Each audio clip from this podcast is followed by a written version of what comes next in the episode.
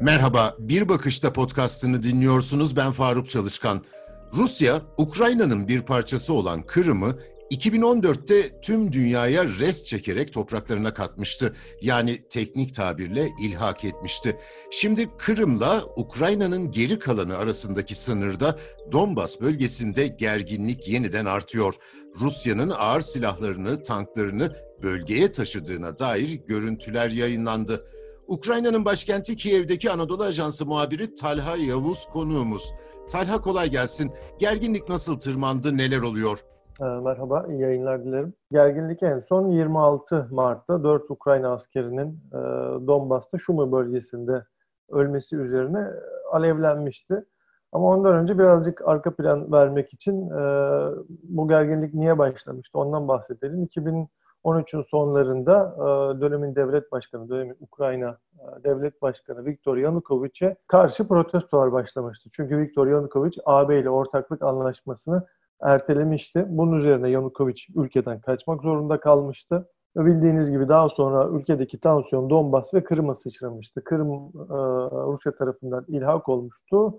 Yasa dışı bir şekilde. E, Donbas'ta da çatışmalar e, başlamıştı. Bu dönemden beri sürekli e, irili ufaklı çatışmalar gözleniyor. Peki önemli tarihler açısından e, mesela en son bu büyük zirve e, bu Donbas krizinin çözümüne ilişkin 2019'un sonunda Paris'te yapılmıştı. Dört ülke lideri arasında Ukrayna, Rusya, e, Almanya ve Fransa. Burada bazı kararlar alınmıştı, bazıları uygulanmıştı. Ta ki 27 Temmuz'da önemli bir karar alındı. Üçlü temas grubu kapsamında bu alındı. Üçlü temas grubu da bu krizin çözümüne ilişkin Ukrayna, Rusya ve AGİT, AGİT'in bulunduğu bir platform.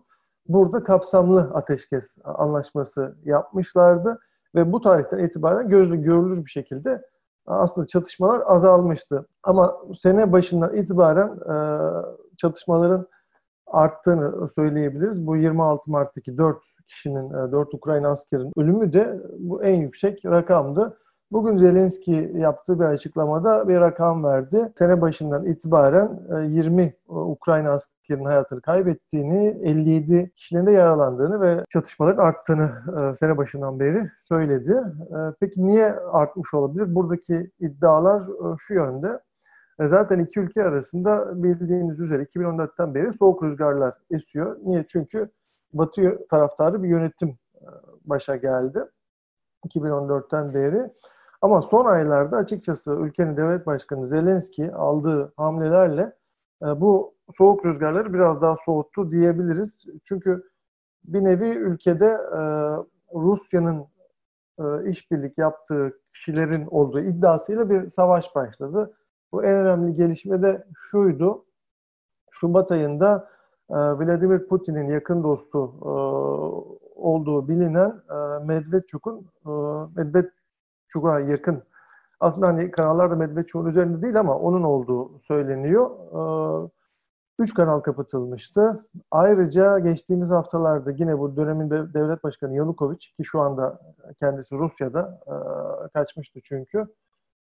Ona karşı ve dönemin kabinesine karşı işgale izin verdikleri gerekçesiyle yani vatana ihanet e, kapsamında ekonomik yaptırımlar çıkmıştı.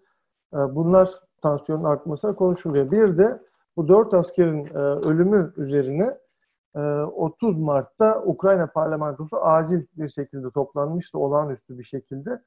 E, burada e, Ukrayna Genel Kurmayı e, Ruslan Homçak bir süredir Rusya'nın Ukrayna'ya yakın kuzeyinde, e, doğusunda e, ve güneyinde, güneyi dediği de ilhak edilmiş Kırım oluyor. Bir askeri hareketliliğin farkında olduklarını Rusya'nın askeri tatbikat bahanesiyle aslında Ukrayna sınırına asker yığdığını söylemişti. Yaklaşık 28 tabur asker olduğunu ve bu kapsamda aslında daha da fazla beklediklerini söylemişti. Bunun bir tehdit olduğunu söylemişti Homçak Ukrayna için. E, buna cevap e, dün Kremlin'den geldi. Kremlin sözcüsü Peskov, Rusya'nın kendi toprakları içinde askeri hareketliliği olduğunu ve bunu kimseye e, bir güvenlik tehdidi oluşturmadığını, kendi iç meselesi olduğunu ve bu da önemli bir kelimeydi. Ukrayna'daki Donbas krizini iç savaş olarak nitelendirdi. Çünkü Rusya orada kendi askerinin olduğunu kabul etmiyor. Orada işte Ukrayna yönetimiyle bölgesel halkın bir iç savaşı olduğunu söylüyor. Ancak Ukrayna tarafı tabii orada Rusya'nın askeri varlığının olduğunu çok kez iddia etti. Yine bu kapsamda ee, birkaç gündür önemli bir diplomasi trafiği var. Bundan biraz bahsetmek lazım. Birkaç gün önce Putin, Merkel e, ve Macron video konferansla görüşmüşlerdi. Yine e, birkaç konu konuşulmuştu uluslararası e, arenaya ilişkin. Bunlardan birisi tabii ki de Donbas'tı, artan krize ilişkin. Orada Minsk Anlaşması'nın tek alternatifsiz yol olduğu vurgulandı ve Putin ayrıca Kiev'i de suçladı e, işgali, daha doğrusu Minsk Anlaşması'nın maddelerine uymamakla. Bu kapsamda iki tarafını birbirini suçladığını söyleyebiliriz. Hem Kiev tarafının hem Moskova tarafının anlaşmanın şartlarını yerine getirmemekle. Ayrıca yine birkaç gün önce Ukrayna Dışişleri Bakanı Dimitro Kuleba ABD'li mevkidaşıyla duruma ilişkin görüştü.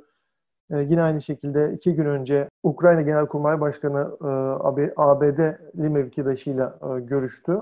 Önemli yine bir e, gelişme New York Times'ın e, verdiği habere göre Amerikan ordusu bu Donbas krizine ilişkin risk seviyesini yükseltti bu olaylardan sonra. Bir de tabii ki burada da bir hareketlilik yarattı. 30 Mart'ta bu Ukrayna parlamentosu gerektiği takdirde özel bir durumda ki şu anda gerekmediği düşünülüyor. Buradaki yorumlar böyle. Ama tecrübeli askerleri toplayıp e, cepheye gönderebilmek için bir kanun da çıkarttı buna ilişkin. Bu arada gelecekte ne olabilir ona ilişkin e, bahsedelim. Donbas krizinin çözüme ilişkin e, en önemli e, grup şu an üçlü temas grubu. E, Minsk Anlaşması'nın uygulanması için Ukrayna, Rusya ve Agit'ten oluşuyor.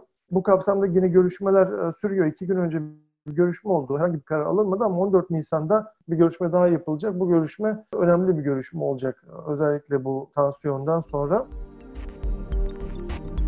Kiev'den Talha Yavuz'a teşekkür ediyorum. Bir bakışta sona erdi. Hoşçakalın.